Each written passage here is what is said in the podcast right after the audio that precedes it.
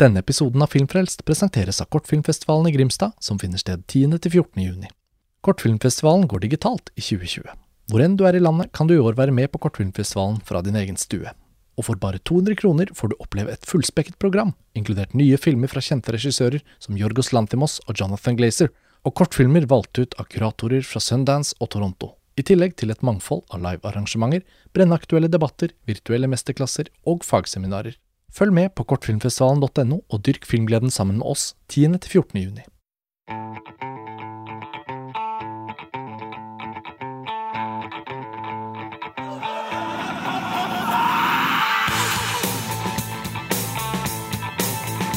Hei, og velkommen til en ny episode av Filmfrelst, podkasten fra filmtidsskriftet montasj.no.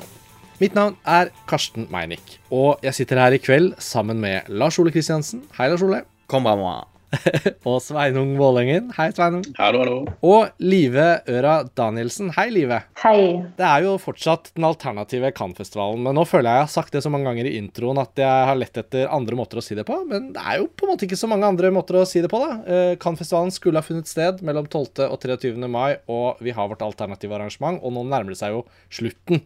Så det får være introen om det til lytterne. Vi skal i gang med å snakke om film.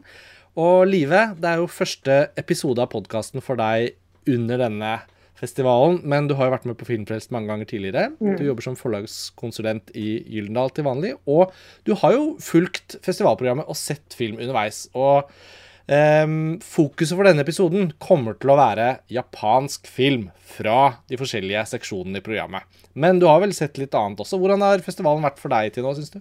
Den har vært fin. Den har vært eh, litt prega av at jeg sitter og har hjemmekontor og derfor eh, eh, har sittet veldig mye for en skjerm egentlig døgnet rundt hjemme her. Så jeg har ikke fått sett akkurat så mye som jeg skulle ønske. Men jeg har hatt noen veldig fine opplevelser, bl.a. med eh, Pasolini sin 'Tusen og en natt', som jeg, som jeg syns var helt fantastisk. Um, og så har det vært gøy å se seg opp på de japanske filmene, ikke minst. Ja, og vi er jo ikke i Cannes, og det har vi jo litt sånn sagt i hver episode, at nå må vi huske at det er jo ikke det samme. Og du er jo også en person som har vært mye i Cannes. Eh, Det er vel et savn sikkert også for deg å se festivalfilm i den riktige omgivelsen, kan man vel si. Ja, det er et intenst savn, vil jeg si. Det er noe med den måneden mai i Cannes med alt som hører til den festivalen av mennesker og vin og god mat og litt dårligere mat og god film og litt dårligere film. Det er liksom det er noe det Det er noe jeg virkelig trenger Ja. å, å ta igjen, merker jeg i hvert fall. Og så har vi dette fokuset på japansk film i denne episoden, og det ga seg jo litt naturlig. Lars Ole og jeg snakket jo om det allerede da vi programmerte, at eh, det kom rett og slett inn en del eh, nøkkelfilmer fra japansk film som har vært i Cannes og gjort seg bemerket, og som av en eller annen grunn ikke var filmer vi hadde sett. Og du har jo også et nært forhold til Japan-livet. Hva, hva tenkte du om titlene du så på programmet? Var det mange av de du hadde sett før, eller har du også gjort oppdagelser? Jeg har definitivt gjort oppdagelser, men det var noen jeg hadde sett før. Eh, Den Takeshi Kitano-filmen, 'Sonatine', den har jeg sett før. Og sammen samme Tokyo Sonata, som jeg så da han kom. Jeg lurer på om det var på en filmfestival i 2008 eller noe sånt. Mm. Um, og så er det vel Ja, det, det er noen flere jeg har sett, men det er jo ganske mange titler, så jeg har fått utforska en del. av det her. Og Lars Ole, vi som kjenner deg godt, vet jo at du har vært mye i Japan de siste årene. Sveinung, du har jo vært med Lars Ole til Japan, og uten å ta en for stor runde med det, så er det vel ingen tvil om at eh, desto mer man setter seg inn i japansk kultur, så får man jo kanskje også mer ut av de japanske filmene. Eller er det en tese som eh, bare er en spekulasjon? Ja, Det gjelder jo sikkert enda mer eh, for Lars Ole, da, men jeg merka det bare etter den ene turen og sist høst. at uh, Sånn er det jo nesten uansett hvor man drar, selvfølgelig, når man er filminteressert. At man ser det gjennom noen sånne filmøyne. Hva, hva er det som har blitt laget i dette landet? og hva er det, altså Man begynner å, å liksom uh, få assosiasjoner og referanser til ting man har sett fra, fra der man er på ferie, f.eks. Men uh, kanskje litt særlig med Japan likevel. Eh, nå endte jo ikke jeg opp med å dra på Studio Ghibli-museet, men uh, Ghibli er selvfølgelig en uh, ting. Ellers så er det noe med den japanske kulturen som uh, på en måte er så vestlig og velorganisert, men samtidig så fjern og eksotisk, som også gjør at det, det er utrolig spennende å, å fordype seg i japansk film. Da. Og jeg synes jo det, det som er interessant med Jeg vet ikke hvor mye dere har tenkt på det når dere har programmert, men det er jo en del uh, filmer her fra forskjellige epoker, kan man si. Både mm. altså, filmhistoriske japanske epoker, men også bare epoker i japansk uh, historie. Så, og Det er jo også fascinerende å se på en måte hvilke uh, forandringer som åpenbarer seg uh, i de ulike filmene, og, og også hva som uh, hvilke temaer som, som, bare fortsetter å være viktige for japanere og japansk kultur. da. Mm. mm. Vi kan jo si litt om hvilke filmer vi da skal snakke om. Jeg tenkte jeg kan prøve å nevne titlene nå, og så skal vi jo starte med en av dem. Uh, I hovedkonkurransen, Lars Ole, så har vi jo programmert inn 'Helvetes porter' til Kainosuke Kinegwasa. Den har vi snakket om. Um, eller Jigokomun, som den heter på originalspråket. Og så har vi Seppuku, av, eller Harakiri, av Masaki Kobayashi. Og videre så fortsetter jo da de japanske filmene. De er liksom spredt litt uh, utover. Uh, I hovedkonkurransen har vi jo også Ålen, eller Unagi, av Shoai Imamura, som vant Gullpalmen i 1997, delt med Abbas Kiarostamis 'Smaken av kirsebær'. Uh, og Naomi Kawase er jo representert i Anseitan Regar sammen med Kyoshi Kurosawa. De har uh, hun laget 'Under kirsebærtrærne', som hadde premiere så sent som i 2015. Tokyo Sanata er fra 2008. Uh, og dere får hjelpe meg hvis jeg glemmer noen nå, men vi nevnte jo Takeshi Kitanos Sonatine. Den er også i, i en Seitan Regar. Der har vi også Yumeji av Seijun Suzuki. Den tror jeg ikke vi skal snakke om Eller det vet jeg ikke om noen av dere har sett. Det kan vi jo komme inn på etter hvert. Um, og videre i Kanzen så var det vel kanskje ikke noen japanske filmer? Eh, hengingen Ja, nettopp fra 1968. Første året, vel, av Kanzen. Uh, Nagisa Oshima, 'Hengingen'. Det er den første filmen vi skal snakke om. Bare, det er jo gøy at det er såpass mye japansk. Vi har jo vært inne på at det har vært litt mye ungarsk, tilfeldigvis.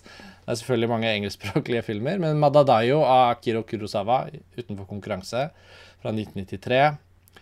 Ja, nei, det utgjør omtrent utvalget vårt, da. Vi skal starte med 'Hengingen' av uh, Oshima. Og den har vi alle sett.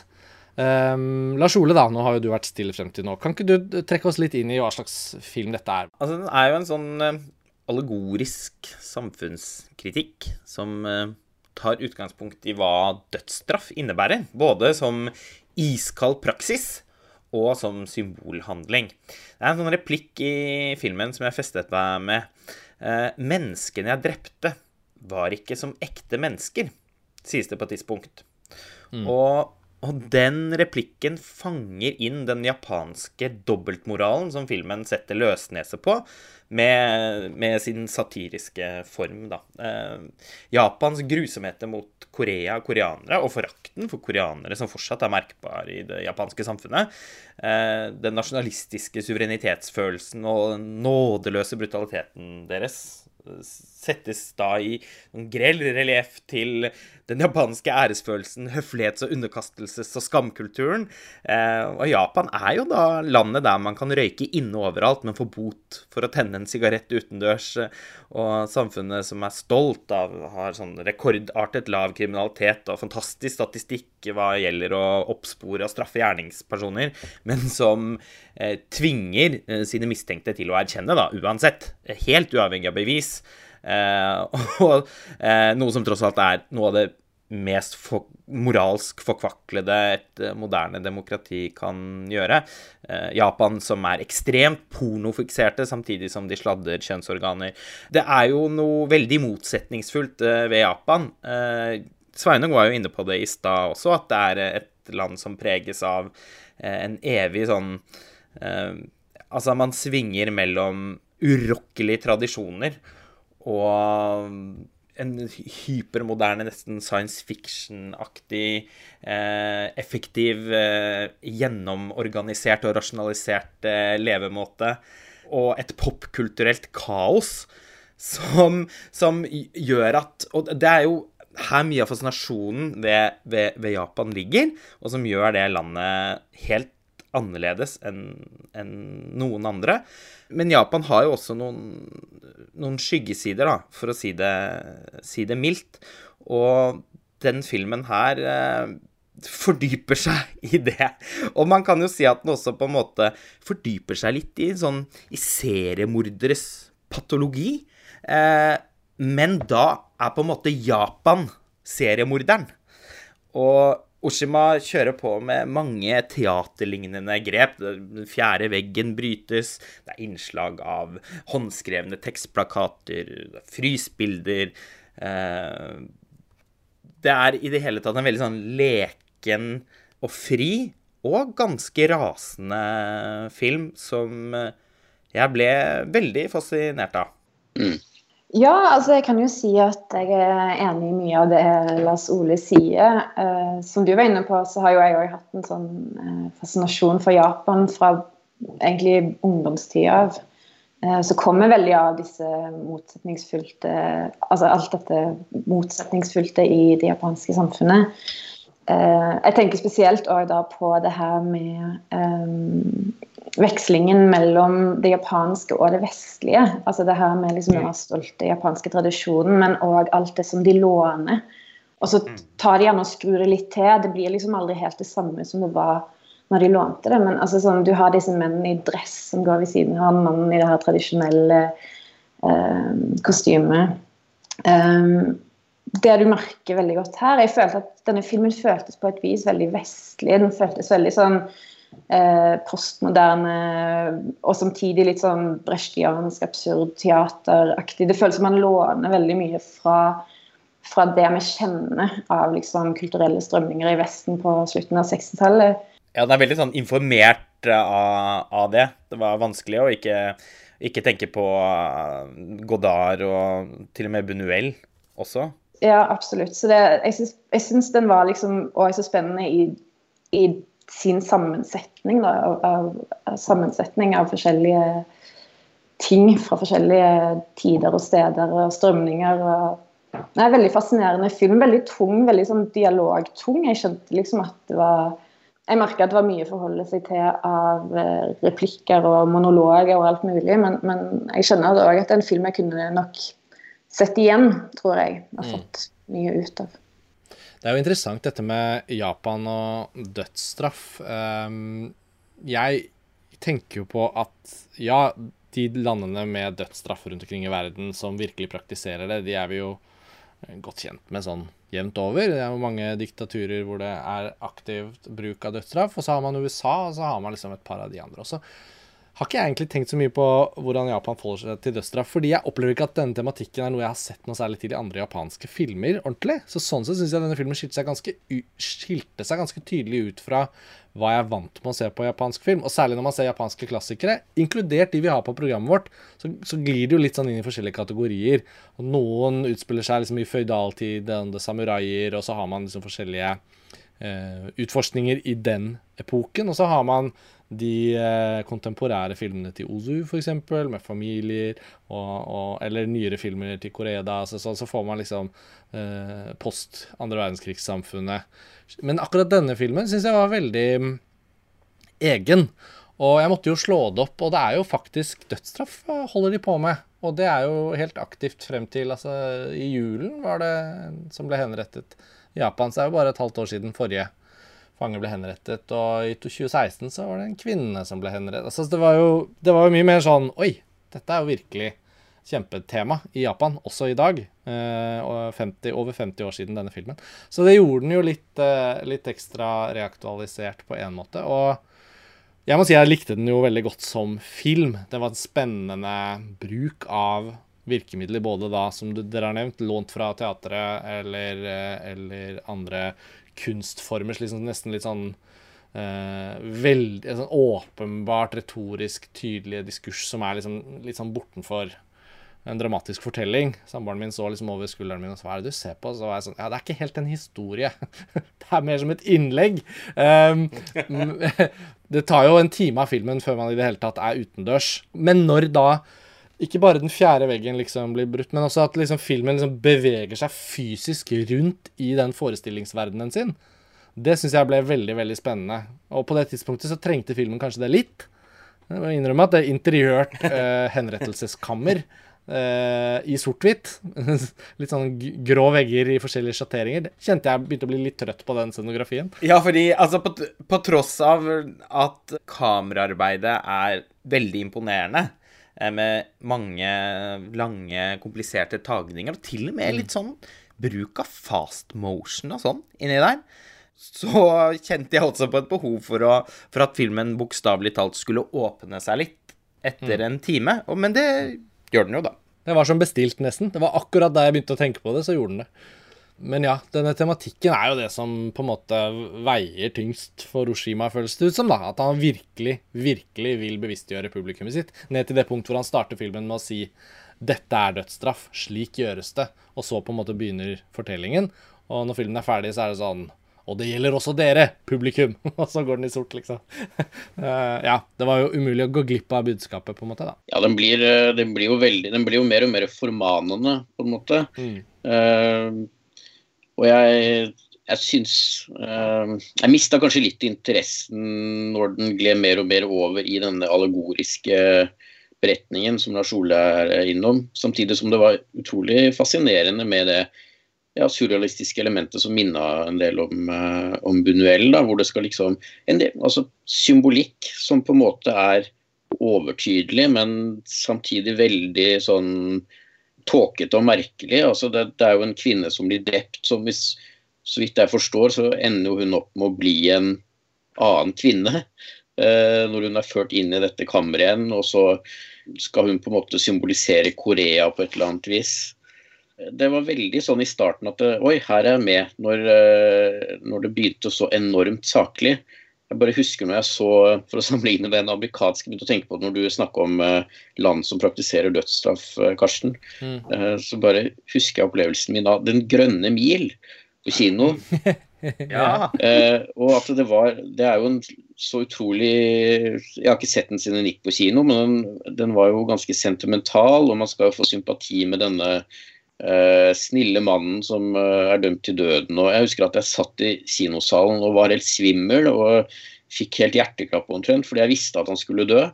Eh, da var vel 14-15 eller noe sånt. ikke så mye med det her hos Oshima. Der er det kjempesaklig. Med, man får se bygget, man går gjennom liksom prosedyren, og så skjer hengingen sporenstreks. Før det liksom Eh, glir over i dette slags byråkratiske kammerspillet. da. Mm. Men eh, ja, nei, bare en utrolig interessant tilnærming til hele den uh, tematikken. Der har vi en blurb, tror jeg. Et byråkratisk kammerspill. Mm. Nei, men det er jo selvfølgelig, selvfølgelig veldig presist, da. Eh, og litt sånn i kontrast til ting Oshima har laget eh, senere, som 'Sansenes rike' eller eh, 'Merry Christmas, Mr. Lawrence', som er sånn eh, film, ren sånn filmheroin. Men eh, dette er jo en film jeg, i likhet med Live, nok tenker at eh, man bør se to ganger. Fordi det er så mange detaljer der. Og det er, det er mye som må, må, leses, ikke sant. Og man, det er grenser for hvor aktivt fortolkende man er når man sitter og opplever en film for første gang. Som tross alt også har et veldig høyt tempo. Den er ganske anmassende. Det er også noen sånn kabuki-teateraktige rolleprestasjoner som eh, da i utgangspunktet nok er tenkt å være morsomme, eh, og som eh, ikke helt for den effekten eh, på meg. Nei, jeg syns heller ikke humorelementet var det mest vellykkede her. Men det blir jo litt sånn at det blir dratt så langt med hele dette galleriet av um, fengselsbyråkrater, da, som på, med større eller mindre engasjement ønsker å bidra til å gjenopp, uh, gjenoppvekke minnene til denne hovedfiguren R, som da henges, uh, for så ikke å dø, og så bli bli eh, geleidet på en måte gjennom det de andre vet at er drapene, voldtektene han har begått, og må få han til å forstå at han er seg selv. Fordi de kan ikke henge han hvis ikke han er bevisst på at han blir henrettet fordi han har gjort noe galt. Og det premisset er jo en veldig god idé til en film. Og, og dermed syns jeg på en måte at hele spillet rundt det er, har en driv i seg selv. Og når det er såpass ikke-realistisk, så kan jeg kjøpe ganske mye forskjellig spill. Men filmen har jo da en figur i senter her som, som er vel så viktig, og han, ehm, er jo også koreansk, rollefiguren R. Så ved siden av å handle om dødsstraff, så syns jeg også filmen gjør en ganske sånn interessant og litt sånn drepende fremvisning av japansk rasisme.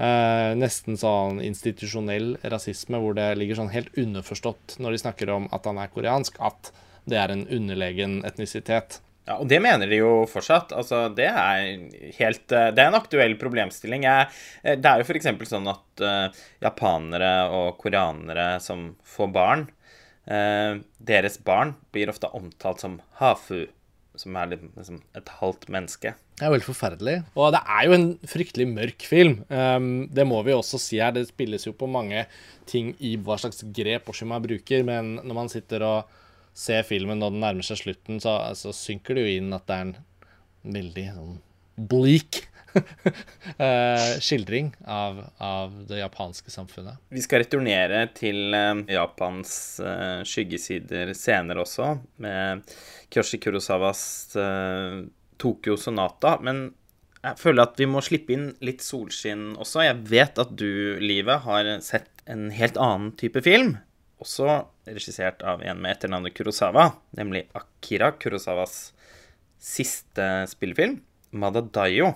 Ja, det stemmer. Um, jeg så den i går, og jeg hadde vel egentlig Dette var liksom Det var ikke en film jeg egentlig hadde noen verken forventninger eller forhåpninger til. Um, det er en veldig liten film. Den, den uh, handler om en foreleser, essayist og forfatter eh, fra virkeligheten som heter Uchida. Eh, som da er lærer. Han, eh, han går under tittelen sensei gjennom hele filmen og blir liksom forguda av en gjeng med sine tidligere elever. Og Kurosawa lagde denne filmen mest som en hyllest da, til denne historiske personen Uchida. Og jeg syns liksom konseptet i seg sjøl er så fascinerende. Igjen så har vi denne japanske respekten for liksom autoriteter og denne takknemligheten for alt du har gjort for oss. Og liksom hele filmen i sin egentlig veldig enkle, lille historie handler om da, denne aldrende professoren som på starten av krigen eh, bestemmer seg for å gå av med pensjon for å satse på å skrive essay. Så han har funnet ut at nå har jeg kommet til et punkt i karrieren min hvor hvor jeg kan tjene penger på dette her, heller enn å undervise. Så han pensjonerer seg, og så flytter han inn i et lite hus som da ganske eh, kort tid senere blir pulverisert under bombinga av Tokyo. Må flytte inn i en bitte liten runde på, blant alle ruinene. Og har heldigvis da den her veldig trofaste gjengen med litt sånn menn i 20-30-årene som eh, som kommer seg til unnsetning og skal bygge et lite hus. Og det er liksom ikke noe mer enn det med denne filmen. Han flytter inn i det nye huset sitt, han får den lille japanske hagen sin som han ønsker seg. Det er veldig sånn her shinto-aktig sånn uh, liten, Han ønsker seg en liten bekk, og den skal være rund med et hull i midten. Den skal liksom være sirkulær. Det er veldig sånn zen-buddhistisk, uh, rolig, veldig vakkert med alle, alle, alle vet jo hvordan disse tradisjonelle japanske husene ser ut med de rette linjene og papirveggene og tresøylene. Og så får den en katt, og så forsvinner den katten. Og så er det liksom faktisk det dramatiske høydepunktet i filmen. Men det er liksom det er kun dette denne filmen er. Den er liksom en, en film om gode mennesker som er takknemlige for det de har, og som tar vare på hverandre den er veldig sånn anekdotisk og liten. Eh, noen vil nok synes den er enkel, noen vil nok også synes den er litt barnlig på et eller annet vis. Eh, jeg syns det er morsomt at ingen av dere så den, for nå, nå får liksom min litt sånn her entusiastiske glede over denne rare lille filmen stå helt uimotsagt. Men det kan bli gøy å høre hvis dere senere får anledning. Um, men denne, altså, jeg, jeg ble altså så grepet av denne filmen. Det, det, er liksom noe med at dette her var Akira Kurosawa sin siste film. Og den handler om um, hva skal jeg si, et gammelt menneske på terskelen av uh, Eller ikke på terskelen, som, som, kanskje heller er på terskelen av døden, kan du si. Altså, for det er det filmen legger opp til. Madadayo uh, betyr noe sånn som uh, 'ikke ennå'. Og Tittelen kommer av at disse elevene, denne klassen hans, eh, hvert år på bursdagen hans arrangerer en sånn bursdagsfest, og så har de et lite ritual på starten hvor, hvor de liksom spør nå, er du klar nå? Og så drikker han liksom en gigantisk øl, og så sier han 'Madadayo', 'ikke ennå'. Mm. Som en slags sånn Han holder liksom døden på en armlengdes avstand. Så det er liksom noe med det her Han er så han er, altså, Vi befinner oss liksom i et univers hvor, hvor vi liksom vet at en skal dø.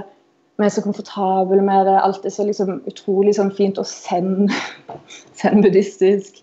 Um, og så minner det jo selvfølgelig om sånne filmer som 'Smultronstell' av Ingmar Bergman. Det er, ikke, det er ikke en lik film, men det er liksom denne tematikken som, som, ligger der som en fin liten Det blir en sånn fin liten nerve i filmen. Uh, spesielt på slutten, der hvor Det er en scene som, som jeg syns var Som av en eller annen grunn jeg fant så gripende, jeg vet ikke, jeg vet ikke hvorfor. Men hvor da disse studentene de arrangerer det som nå er den 17. bursdagsfesten for ham. Eh, han er blitt gammel, han er 77 år, og han, han synker litt sammen under denne middagen. De følger han hjem, eh, legen blir med han, han sier det går fint, han må hvile. Ikke vekk han, ikke drikk med han. Og så blir de liksom sittende utenfor disse fire hovedpersonene, som er disse eh, studentene. Og så drikker de saker, og så liksom bare passer de på han. Hvis en kan snakke om liksom gode filmer og onde filmer, så er dette liksom en god film om gode mennesker. Og det er mm. eh, Jeg tror det er det som jeg syns er så sjarmerende med den. Eh, virkelig en, eh, en liten perle, syns jeg. Det var en mektig overbevisende gjennomgang. Altså filmer om mennesker som er gode med hverandre er ofte noe av det mest gripende jeg vet om. Og særlig hvis de er japanske, sånn som f.eks. 'Søstre til Koreda'. Eh, og den filmen her har jeg naturlig nok alltid liksom vært nysgjerrig på. Men eh, jeg har jo ikke sett den, da. Og ville ikke egentlig ha møtt den med så store forventninger. Kanskje mest fordi den filmen Kurosawa lagde før den, 'Rhapsody in August', ikke var så god. Jeg har også tidligere hørt uh, mottatt mer sånn underveldende tilbakemeldinger, men de har på ingen måte vært eh, så Ja, så um, troverdige som, som din, eh, Live. Så ja. Sveinung, hva, hva, hvordan har liksom reisen din mellom disse japanske filmene i programmet vært ved siden av hengingen som vi allerede nå har snakket om? Hva, hva annet har du sett? Uh, nei, jeg har jo sett uh, Tokyo Sonata, da av eh, Kiyoshi Kurosawa. Ja, Fra én Kurosawa til en annen? Ja. Jeg føler at det er i hvert fall det utvalget jeg har sett så langt, der har det vært mye film om uh, politisk og får kanskje si filosofiske dogmer. Uh, og mennesker fra ulike japanske epoker som fortvilt forsøker å tilpasse seg et nærmest uh, umenneskelig sett med lover og regler og det gjelder for så vidt denne filmen nå, i Tokyo Sonata, selv om den er jo fra nyere tid. Uh, men det er altså så ja, forferdelig familieportrett. Altså Det handler om mennesker som, som, lever i samspill med andre, men som likevel virker isolert og fremmedgjort overfor både seg selv og andre, egentlig. Altså de, de, lever veldig etter samfunnets spilleregler når det kommer til skole, arbeid, kjønnsroller hjemme. Men de fremstår nærmest litt patetiske i forsøket. Man, man syns synd på dem, men det er vanskelig å like dem òg. og jeg vet ja. at uh, jeg ikke er den eneste som har sett uh, den filmen. Men uh, nei, det var en, en, film som gjorde utrolig sterkt inntrykk på meg, og som overraska meg veldig underveis. Premisset minner jo litt om Jeg tenkte i hvert fall litt på den filmen til Lauren Canté, 'Time Out', ja, fra 2001. Det gjorde selvfølgelig jeg òg. Ja. Det var jo den første referansen som slo inn. Det, du kan jo da knytte det litt Du kan jo kanskje si litt om fortellingen? Ja, det kan du gjøre. fordi den filmen til Canté, så vidt jeg vet, så er ikke denne filmen uh, til Kurosawa uh, basert på en sann historie, men den kunne jo sikkert godt ha vært det. Uh, men den filmen til, til Canté fra, fra 2001, da, 'Time Out', den var jo delvis basert på en sann historie. Og, det, og den handler jo da om en mann som mister jobben, men som må spille et spill hjemme Eh, om at han går på jobb som vanlig. Ja, og det er det som uh, skjer her også. Eh, og Man får jo inntrykk av at særlig i Japan så er det mye skam knytta til det å miste jobben. Det er det sikkert uh, i Altså, det kommer selvfølgelig an på familiekonstellasjonen og liksom hvem man er som individ. Men, men jeg tenker i hvert fall i, i, Vesten så er jo det er utrolig mye som handler om jobb i den tida vi lever i nå. Og Eh, den filmen her viser jo hvor viktig det er å ha en jobb å gå til, og hvor mye jobben har å si for vår identitet og trivsel. Og Det er også skrevet mye i løpet av de senere årene om hvor mye vi jobber nå, og, og om man liksom skulle gjort noen eh, endringer i samfunnsstrukturen for å, for å få oss til å jobbe mindre og, og, på en måte flytte verdien over til andre ting og sånt. Så jeg føler det er en film som går litt i dialog med, med det også. Men det er i hvert fall denne familiefaren da, som eh, mister jobben og, og, lyver om det for familien sin, familien Sasaki. Og han står jo, Vi får se han i flere scener hvor han står i lang kø oppover det som fremstilles som endeløse trapper å forhøre seg om jobbtilbudet hos Hello Work. Japans, det er vel Japans versjon av Nav. Ja. Eh, og han, han, han, ser altså så fortvilt ut og har et så stusslig oppsyn at man tenker jo også litt sånn du må se deg i speilet og ta deg sammen hvis du skal få en jobb. Men, ja. men iallfall så Han holder både arbeidsledigheten og jobbsøkingen skjult for familien. da. Og det, dette er en film som eh, handler veldig mye om hvite løgner. Det er jo det er så mange uh, karakterer som, som koster på seg en løgn for å på en måte jevne ut situasjonen. Um, og det er jo altså det, det, fører jo til Det får konsekvenser. Og igjen, som jeg var inne på i begynnelsen, så, så skjer det mange uventede endringer underveis da, i denne fortellingen. Ja, og det er jo veldig japansk, det også. Det du sier med å jevne ut situasjonen. Uh, og å være turist i Japan er noe av det mest fantastiske som fins. Uh, men all statistikk viser jo at de eh, ikke er verdens lykkeligste folk. Når det er så vanskelig å si ifra, og man bruker så mye energi på å unngå konflikter at det i seg selv blir en konflikt, så kan det være veldig sånn tappende for livsfølelsen. Og det er jo det vi ser framstilt i den filmen. De er jo som spøkelser i sine egne liv. Og han Kyoshi Kurosawa har tidligere fascinert meg, da. Den filmen hans 'Cure' er et mesterverk, syns jeg. Jeg er også veldig begeistra for den som heter Kairo, eller Pulse.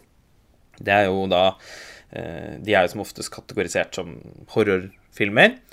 Og kan til dels minne litt om ja, hvis det finnes et eller annet møtepunkt mellom Apichatpong, Verasetakul og M. Night Shyamalan, så befinner de seg litt uh, der. Det er i og for seg ikke så rart som det høres ut som, i og med at da jeg og Karsten spiste en lang lunsj med Apishapong Verasetakul i Oslo for noen år siden, så snakket han ikke om noe annet enn M. Night Shyamalan. På sitt veldig rolige uh, vis. Ja.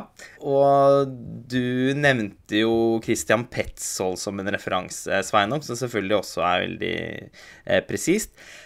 Den, altså, den Kantettfilmen uh, har jo rent sånn tematisk og så slående mye til felles da med, uh, med historien i Tokyo Sonata, men det var her var det også sånn at jeg fikk mange av de samme følelsene som jeg får når jeg ser en Michael Haneke-film. Mm. Det er jo et par innslag av skrekk her òg. De er veldig små, uh, og, eh, og blir raskt på en måte det, det, det, kommer raskt is på såret, men jeg, jeg, kvakk til et par ganger underveis på en måte som jeg sånn skikkelig ikke likte, om du skjønner hva jeg mener, Sveinung? Ja, jeg skjønner det veldig godt. Jeg vet hva du sikter til.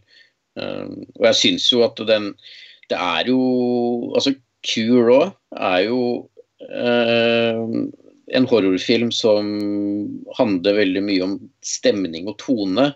Det er, først, og det er liksom der uhyggen ligger.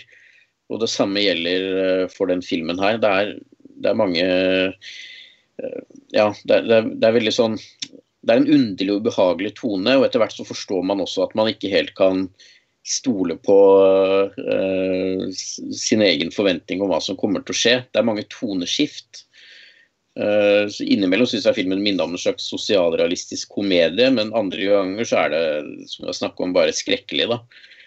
Ja. Blant annet jeg tenker f.eks. den her gamle kjenningen som han eh, familiefaren møter, som det viser seg at lyver om akkurat det samme. At han, han, later som han fortsatt er i jobb og går rundt i dress og eh, later som han snakker i mobiltelefon. Og de møtes i en, uh, på et sånt felt hvor man kan uh, få gratis mat. og Han fremstilles først som en slags sånn morsom birollefigur, men etter hvert så åpenbarer det seg jo at det, han har jo et ganske ufyselig markeringsbehov overfor sin egen familie, som denne hovedpersonen blir trukket inn i da, når han er hjemme på middagsbesøk. Eh, og så blir det jo enda mørkere derfra, da, selvfølgelig. Ja. Den, eh, det er noe med Kurosawa sin, eh, sin visuelle stil også, som, som, skrur til den veldig sånn klaustrofobiske følelsen i nesten hver eneste scene. Mange lange tagninger, kamera beveger seg veldig langsomt. Eh, og den evner å få til også gjøre Tokyo til en veldig sånn kald og truende by. Den er innmari bra fotografert av det som da er den faste fotografen for uh, Kurosawa de siste årene, Akiko Ashisawa. Uh, hun uh, slo igjen Eller hun, hun, begynte som fotograf, har jeg sjekket opp, allerede på 90-tallet med to filmer som heter Splatter, Naked Blood og Fatherfucker. De har jeg ikke sett. Men hun, begynte å jobbe med Kurosawa um, på midten av 2000-tallet. Uh, og lagde ikke så noe særlig imellom der. Uh, og har fulgt han uh, siden, da. Hun er et navn som fortjener å bli løftet fram, syns jeg. Apropos kvinnelige filmarbeidere, eller filmskapere. Lars Ole, du har jo sett under kirsebærtrærne til Kawase. Naomi Kawase. Mm -hmm. Vi kaller henne jo bare Kawase, for hun er jo virkelig en gjenganger i Cannes. Og ikke minst har hun vært en gjenganger i Cannes siden starten av 2010-tallet, da vi begynte å dra dit. Eh, men 'Under kirsebærtrærne' er en av de filmene som på en eller annen måte bare glapp, og nå har jo du faktisk fått sett den. Og jeg vet ikke om Sveinung og Live om dere har sett den filmen fra før av eller sett den nå, men jeg, du må fortelle litt, for det var så gledelig åpenbart eh, møte med den filmen for deg, Lars Ole? Ja, altså Kawase er jo Det blir ikke ordentlig kampfestival uten en Naomi Kawase-film. Og hun er jo ikke så rent lite beryktet heller. Det er veldig mange som syns at filmene er eh, altfor lange og, og, ujevne og springende og at hun liksom aldri helt virkelig har funnet formen eh, etter å ha laget så mange filmer, eh, og i, i, mange, mange år. At man liksom fortsatt sitter og venter på et sånt virkelig fullkomment kavaseverk. Du og jeg, Karsten, har jo ofte vært vesentlig mildere stemt i filmene hennes enn mange andre mm, kritikere i ja. Cannes. Vi var jo begge begeistret for den Still the Water, f.eks. Og hadde også pene ting å si om den Radiance. Ja, jeg ble så glad for å høre at du likte Under kirsebærtrærne, fordi jeg føler jeg har kanskje likt Kawases filmer jevnt over hele tiden litt bedre enn mange andre, akkurat som du sier. Og denne ene filmen vi så i Cannes, så vi jo i en sånn markedsvisning. Og vi dedikerte oss, satte av tid, gikk på markedsvisningen. Og så viste det seg da filmen begynte, at det var da en film som kun var tekstet på fransk. Det er sånn som kan skje i Cannes. At det viser seg å nei, denne visningen som dere har blitt sluppet inn på, her er det nok bare franske publikummere vi egentlig forventer å vise den til, så den er bare tekstet på fransk. Og da ble vi faktisk sittende og se filmen. Og det er jeg jo litt glad for i ettertid, fordi den endte jo opp å liksom gjøre inntrykk selv uten å forstå dialogen. Så jeg syns det er litt gøy med Kawase at vi har en del sånne anekdotiske morsomheter med henne. Sveinung oppsummerte det best utenfor Olympiakinoen i Cannes. Ja, det var jo en film om film, da det, og det var det.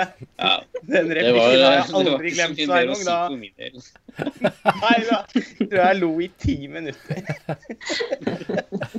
Eh, men altså, under kirsebærtærne, da, for å, for å fortelle litt om den, så handler den om en mann i sånn midten, slutten av 40-årene, alltid litt vanskelig å si med japanere, som driver en såkalt dorayaki-bod i Tokyo. Og på en nedstemt måte. Selv så er han ikke engang noe glad i de søtsakene han selger, men han har i det minste noen noen faste kunder, eh, noen skolejenter bl.a., inkludert en som han har god kontakt med, og som eh, pleier å få med seg en pose gratis mislykkede dorayakier hver gang hun, hun, er der. Og dorayaki er da for øvrig en sånn slags lapp eller pannekake som legges dobbelt med bønnesyltetøy imellom. Og dette bønnesyltetøyet, som på japansk heter an, eh, det bestiller da han som driver den boden i sånne svære spann. Altså er det ferdiglaget. Og det er, må jo sies å være skandaløst i verdens mest kulinariske land. Og en dag så kommer det en gammel dame da, og spør om han trenger assistanse. Eh, og hun er villig til å ta imot veldig lite betaling for tjenestene sine, men blir likevel avvist da, av han hun mener at hun er ja, for gammel, rett og slett. Eh, inntil hun konfronterer han med det kjipe ferdigbønnesyltetøyet, da, og viser hvordan det skal gjøres. Og hun og hun der skolejenta og han utvikler et, eh, et vennskap som på en måte er basert på at alle er sånn outsidere på hver sin måte. Eh, men når det viser seg at eh, hun gamle damen, spilt av Kirin Kiki, som nå ikke lever lenger, og som har gjort inntrykk i flere av Hirokazu Koredas filmer, mm Eh, når det viser seg at hun er eh, spedalsk, så tar filmen en eh, ny vending og kaster et sørgmodig blikk på Japans isolering av spedalske, noe som foregikk helt fram til 1996. Så også dette her er en samfunnskritisk film. Den er vesentlig mer konvensjonell enn andre Kawase-filmer jeg har sett, men også mer fokusert og her syns jeg hun er en ordentlig god historieforteller med noe på hjertet. Relasjonene mellom rollefigurene er så fint skildret, og lynnet i filmen så gjennomgående japansk at eh, jeg lot meg rive med, altså, i det stille. Eh, jeg syns det var rett og slett en helt nydelig film, og en stor positiv overraskelse. Ja, denne anbefaler jeg. Ja, Det er veldig gledelig buss. Veldig gledelig, må jeg si. Og uh, vi skal aldri glemme det at Kawase er jo også da åpenbart Må jo være en av favorittregissørene til Thierry Fremont, da, som programmerer Cannes-festivalen. For det går jo nesten ikke en film uten at hun, hun er der. Som regel i hovedkonkurransen eller i en Seitan Legar. Og um, jeg har jo da også sett en uh, film hun lagde i 2018 som internasjonalt het Vision og den fikk en så trist norsk tittel at jeg faktisk ikke husker hva den het på norsk engang, med Juliette Binoche. Hvis noen av dere husker den norske tittelen, så må dere bare kime inn. Um, og det var en film som ikke hadde premiere i Cannes, men som hadde premiere i Toronto og San Sebastian eh, høsten 2018. Og det var en film som ble et litt sånt løft med Kawase for meg, Lars Ole. Og jeg har ikke fått anledning til å snakke om den i så mange settinger, så nå bare nevner jeg at også den, etter mitt syn, var veldig bra.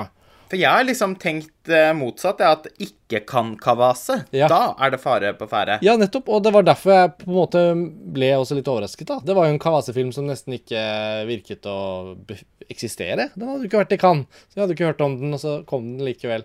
Og ble kjøpt inn og vist på norske kinoer. og Jeg syns i hvert fall den var veldig bra. Så ikke du også den, eh, Sveinung? Nei, jeg gjorde ikke det. Uh... Du gjorde ikke det?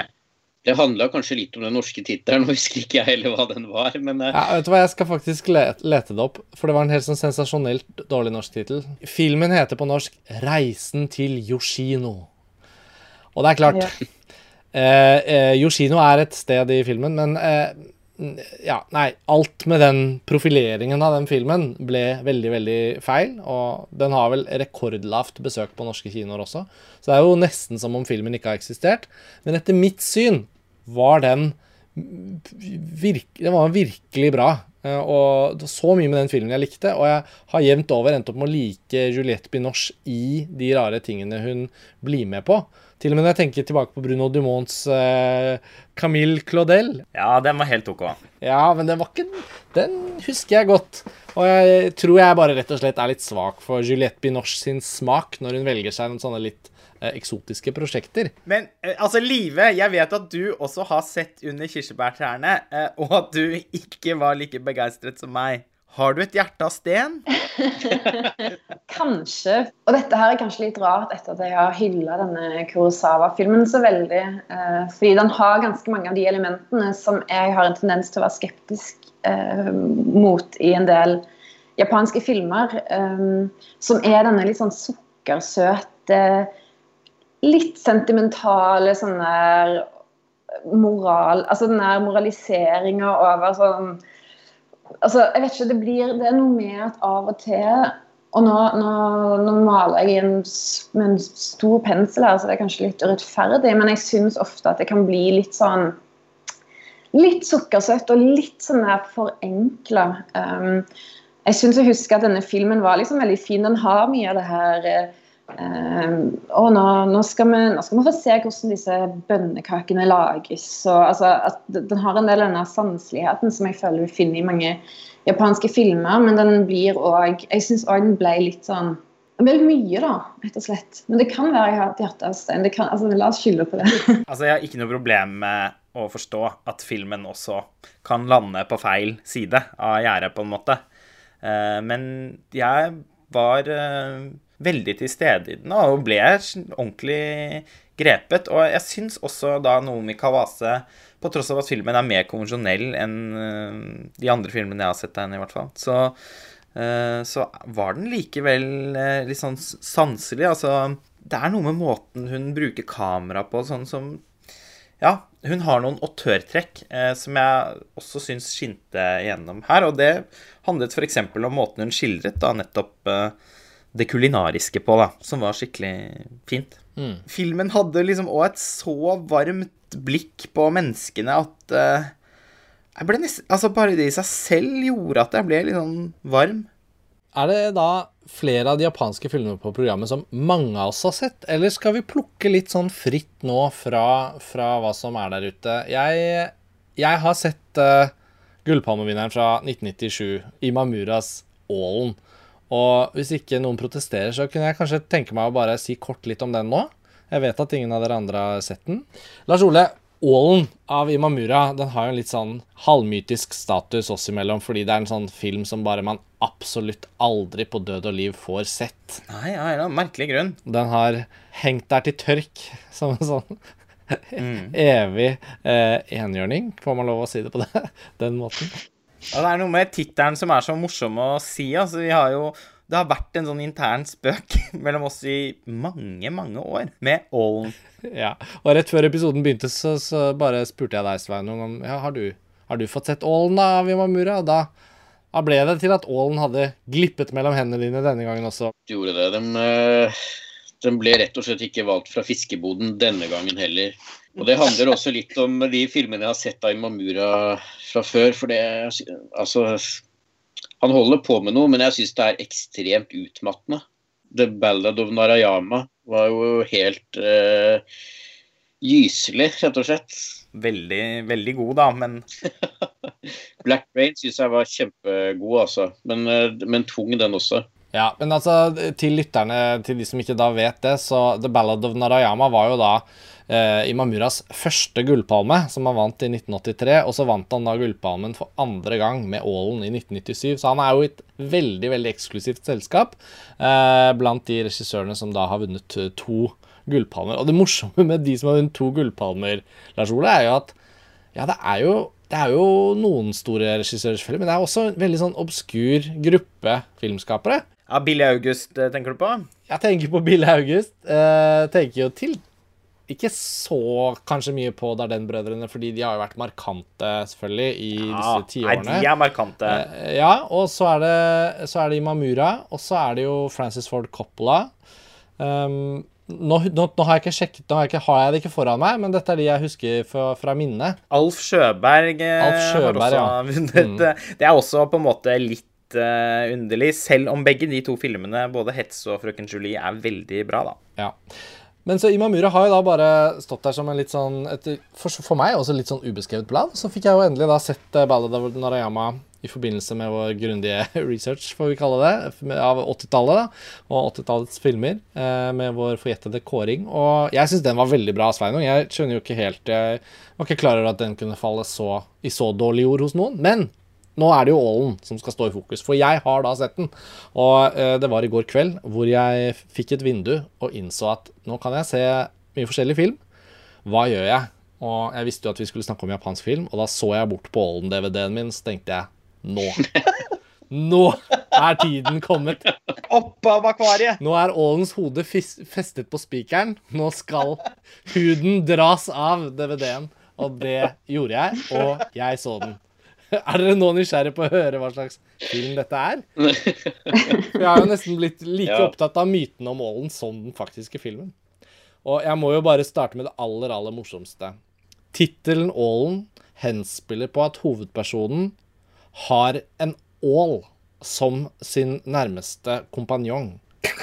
Han går med en ål i en pose og har den i et akvarium, og har den som sin nærmeste samtalepartner. Og det er ålen. Så hvis dere lurte på hva tittelen henspiller på, så er det veldig bokstavelig. Det er rett og slett en ål i filmen. Men eh, Imamura jo, han eh, er jo en litt sånn drøy filmskaper.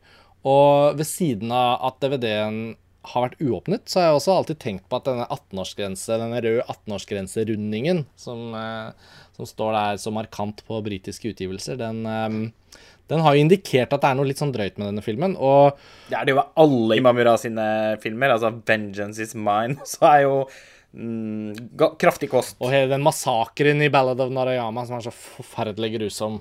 Um, ja. Nei, så det, det hele starter veldig voldsomt. Det er en eh, ekstremt konkret og eksplisitt scene med både vold og sex i fri eh, Frisluppet i, i filmen. Og så smell så får da hovedpersonen tilbrakt eh, ja, er det åtte-ni år i fengsel, og så kommer han ut av fengsel, og da begynner på en måte filmen. Og så handler det egentlig om hva et menneske gjør for å komme tilbake til samfunnet, og i hvilken grad eh, traumene, som selvfølgelig da er selvpåførte, men også selvopplevde, naturligvis, og den tiden i fengsel, hva har den gjort med dette mennesket? Og det er jo da denne ålen kommer inn, da. Så eh, han flytter til en liten by langt vekk. Han starter en liten barbersalong og danner seg noen nye bekjentskaper, da. Og så er det jo kanskje litt forutsigbart at fortiden nødvendigvis innhenter ham, men eh, i behandlingen av tematikken rundt skyld og muligheten for en ny start på et liv, så føler jeg at Imamura virkelig går grundig til verks. da. At den er tidvis veldig interessant i hvordan den er et slags karakterportrett. Men den er også ganske mange toneskifter i filmen. Og da den var over, så, så gjorde den kanskje Altså, slutten er litt sånn at den ikke helt gjør så voldsomt inntrykk når alt kommer til alt. Men jeg satt og tenkte på hvorfor filmen ikke helt føltes som en sånn typisk japansk film, hvis man kan si det på den måten. Altså at Den oppfylte ikke de klassiske eh, tropene vi kanskje forbinder med hva som ofte behandles i japansk film. Nå har vi jo snakket om mye av det allerede. Dette føltes mest av alt som en sørkoreansk film. Ja, det høres veldig presist ut. Ja, altså han hadde noe sånn Det var noe sånn distinkt corny som vi har kjent særlig på fra 2000-talls sørkoreansk film. da. Eh, om det var en liten dråpe med, med Bong Joon-hos mother i noen rollefigurer, så var det definitivt et element av ideer, litt sånn weirde ideer, som vi kjenner fra, også fra, fra Park Chan-wook, åpenbart. ikke sant, Med ålen, dette sjømatelementet som, som inntar også en litt sånn her grotesk funksjon i historien. Og så var det jo koblingen med erotikk og vold på en litt sånn um, En ubehagelig, men også en slags sånn livsstilmåte for rollefigurene. Som gjorde at jeg ble sittende og tenke en del på sørkoreansk film. Så det, det er litt mine Det er ålen. Altså, det har vært eh, preget mange sørkoreanske filmer eh, også før eh, denne bølgen med Bong Joon-ho og Park Chan-wook og Kim Jong-un og sånn. De sørkoreanske autørene på 80-tallet også, sånn Im Kwon-tek eksempel, eh, har jo også ofte innslag av sex og vold, og gjerne samtidig. Og det har ja, Det er det, det har faktisk også liksom en historisk kontekst som hadde med sensursystemet og hvordan det fungerte og sånn å gjøre. Men det kan vi komme tilbake til når vi skal snakke om, om 1980-tallets beste filmer. Eh, nå er det jo ikke så lenge til. Vi har jo sagt dette til lytterne våre i en evighet, men vi, vi ljuger ikke nå. Nei, nei, nå Vi må bare bli ferdig med vår alternative Cannes-festival først. Ja, og, og koronakrisen var ikke vår skyld, så denne føler jeg vi er fritatt fra, denne utsettelsen. Uh, men uh, ja. Uh, Live, du har jo Jeg vet at du også har sett noe Hva er det for noe andre liksom fermenterte japanske fristelser du har plukket opp med dine filmspisepinner? Veldig flotte bilder. Uh, nei, nå I denne omgangen så, så jeg den som jeg forstår at du og Karsten allerede har snakka om, 'Helvetes porter'. Jeg har ikke fått hørt meg opp ennå på, på podkastene, men det, det, skal bli i morgen. Ja, Hva tenkte du om den, da? Jeg syns det var en, eh, en, veldig vakker film, først og fremst. altså Rent visuelt sett. Alle disse metta fargene, alle disse deilige kostymene. og silkende bomullen og liksom tunge slepene på kimonoen. og Veldig sånn hypnotiserende. Uh, I og med Jeg så den rett etter at jeg så den her Madadayo, eh, Kurosawa-filmen, og det var litt sånn uh, gøy, fordi nå har ikke jeg Jeg har veldig mange hull når det kommer til Kurosawa, men, men som sikkert en del andre så forbinder jeg han veldig med samurai-filmer, i og med at det kanskje var ja, gullalderen, kan du si. da. Um, og det var litt kjekt å se liksom, en film fra 50-tallet som hadde litt den her litt sånn her kabuki-aktige, veldig teatrale spillemåten som, som, jeg forbinder veldig med Kurosawa sine samurai-filmer, i og med han her Hva heter han, da, Sole? Mifune? Han, ja, Toshiro Mifune. Sant. Uh, den her sinte samuraien med det her ansiktet som nesten er som en sånn her kabuki-maske. Um, mm. Jeg syns det var en ja, visuelt sett veldig spennende film. Det er en veldig enkel film. Klassisk uh, tragedie. Um, og, og, på mange måter enkelt fortalt, men uh, den føltes liksom veldig formfullendt og, og fin, da. Og um, det var liksom mer en slags sånn urfortelling enn det var en hva skal du si, en sånn singulær uh, kjærlighetshistorie, tenkte jeg, da, i og med at det nå ble så veldig sånn ja, altså Det blir så veldig sånn stilisert med alle disse her måten det spilles ut på, måten denne uh, kvinnelige hovedpersonen beveger seg på, nesten som en danser. Det er nesten som å se noe sånn her uh, kabuki eller noe teater på scenen. Ikke at jeg noensinne har gjort det, men jeg kan bare se det for meg. Så ja, det var, det var absolutt en film jeg syns det var verdt å se. Enig. Hva gjenstår da av ting vi har sett å snakke om? Jeg, jeg, føler vi nærmer oss slutten av episoden ettersom vi har hatt noen klare titler for oss og, og, avtalt at vi skal ha sett en del av dem.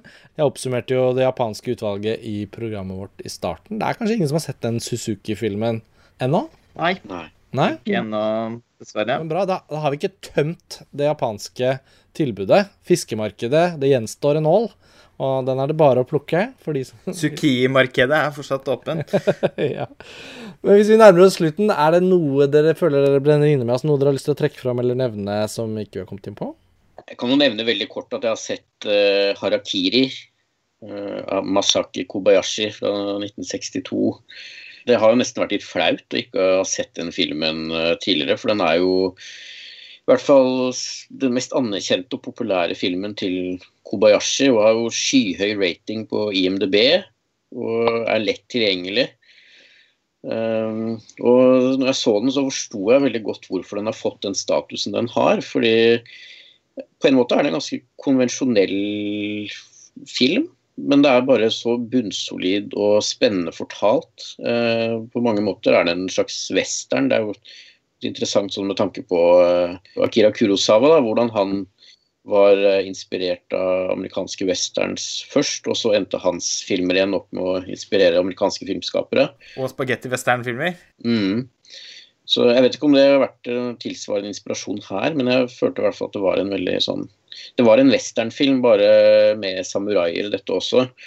Eh, om en samurai som ankommer et eh, Jeg vet ikke om det er templer, eller, eller et tempel, eller om det er liksom et slags område som, som, denne klanen eier, men det er i hvert fall en La oss kalle det et slags boligfelt på 1600-tallet, hvor eh, eh, det er en klan som holder til, og han ønsker å begå eh, harakiri, altså rituelt selvmord, da, i liksom dette området hvor denne klanen oppholder seg. Og så viser det seg at han har noen baktanker med det, og historien hans rulles opp. Han forteller hvem han er og hva han har opplevd til, eh, til disse eh, andre samuraiene i denne klanen. Uh, og det er noen sånne ja, noen plottlinjer som møtes her og, og overrasker. Så nei, det var bare en, en, utrolig godt fortalt og spennende film. Og igjen en, en japansk uh, film som utforsker veldig mye sånn skam og dogmer igjen, får man si, om, om liksom hvordan man skal i dette tilfellet avslutte livet sitt på en mest mulig respektfull måte. Så det er jo på mange måter en slags antisamurai-film som, mm. som latterliggjør den kodeksen og, og eh, altså de eh, ganske sånn hyklerske innstillingene til hva det sier å være en samurai. da. Mm, det var jo Tomaso Tocci, italienske kritikeren, som var gjest her om dagen i en vår i hermetegn internasjonale episode. Han snakket jo eh, veldig fint om den filmen. Mange av de samme tingene du nevner nå. Og Kobayashi er jo også ikke sett da, den Human Condition Trilogy som han har laget, som i hvert fall Tomaso også trakk inn som en del av um, en sånn sentral periode i hans karriere. Da. Jeg vet ikke om dere har sett den, men den, uh, den film... Han er jo en filmskaper i hvert fall jeg opplever fra uten å være så veldig inne i japansk kultur eller film, føler jeg, eh, så, så, kjenner jeg jo at han har ikke helt vært et navn før inntil nylig, egentlig, med at disse tingene hans har blitt utgitt. Selv om denne Harakiri alltid har stått der og vært selvfølgelig en veldig berømt klassiker da, fra 60-tallet. Det er første filmen jeg også ser av han, og jeg må bare si at den, den japanske nybølgen er kanskje mitt største filmhistoriske hull. Mm. Og så vidt jeg forstår, så så er det noe med Kobayashi sin stil og eh, den tematikken han velger å bruke i filmene sine, som gjør at han både skiller seg fra og har likhetstrekk med den japanske nybølgen, da, som f.eks. Oshima var del av. Um, så en, eh, ja, men uansett eh, fantastisk god eh, innledning til hans kunstnerskap med, med, Harakiri. da. Ja, og denne filmen er jo da Vi har ikke nevnt det for hver av filmene vi har snakket om nå, men alle filmene er jo tilgjengelige for å se, enten om man kjøper de på fysisk format eller om man strømmer de. Noen fins jo på vanlige norske strømmetjenester, som Kawase-filmen og sånn er jo ikke så vanskelig å få tak i. Mens Harakiri Kobayashi er jo også både utgitt av Eureka på Masters of Cinema i Storbritannia, selges på platekompaniet og utgitt på Criterion og kan strømmes fra Criterion Channel. Så alt dette er jo tilgjengelig, så vi håper jo at dere som hører på, får lyst da, til å dykke videre ned i japansk film, hvis ikke dere allerede har gjort det. Og kanskje fant dere filmer her som dere har sett noen av, og kanskje har dere nå lyst til å se alle Kawase-filmene. Jeg håper vi solgte den inn ganske bra, Lars Ole. Ja, jeg håper det. Selv om det var litt humor i den seksjonen. det blir jo flere podcaster også, og ja. vi skal eh, forsøke å sammenfatte festivalen litt og sånt til, til slutt. Og ja. det innebærer jo også at eh, flere filmer eh, skal ses, og det blir nok også flere japanske. Men det er vel det for denne gang. Eh, Live, Takk for at du var med i denne episoden, og vi håper det ikke er for altfor lenge til du er med på Filmfrelst igjen. Takk det samme. Sveinung, flott å ha deg med igjen. Du har kanskje fått med deg at vi andre nå har sett Fedora av Billy Wilder og snakket om den på podkasten. Du var jo den som først stakk tærne ned i det vannet og startet bussen. Det har jo vært en eh, festivalhit. Lars Ole, vi er jo, som du sa, straks tilbake med vår siste da siste innspurt med festivalepisoder av Filmfrelst, så det er mer som kommer. Vi får bare si eh, takk for denne gang, eh, og takk til dere lyttere som følger med på dette prosjektet. Og kom inn og kim inn med tips og innspill i kommentarfeltet hvis dere også følger festivalen og har sett filmer som ikke vi har snakket om ennå, og som dere mener vi burde se. Ha det bra, alle sammen. Ha det. Bra. Skulle vi selvfølgelig sagt matta med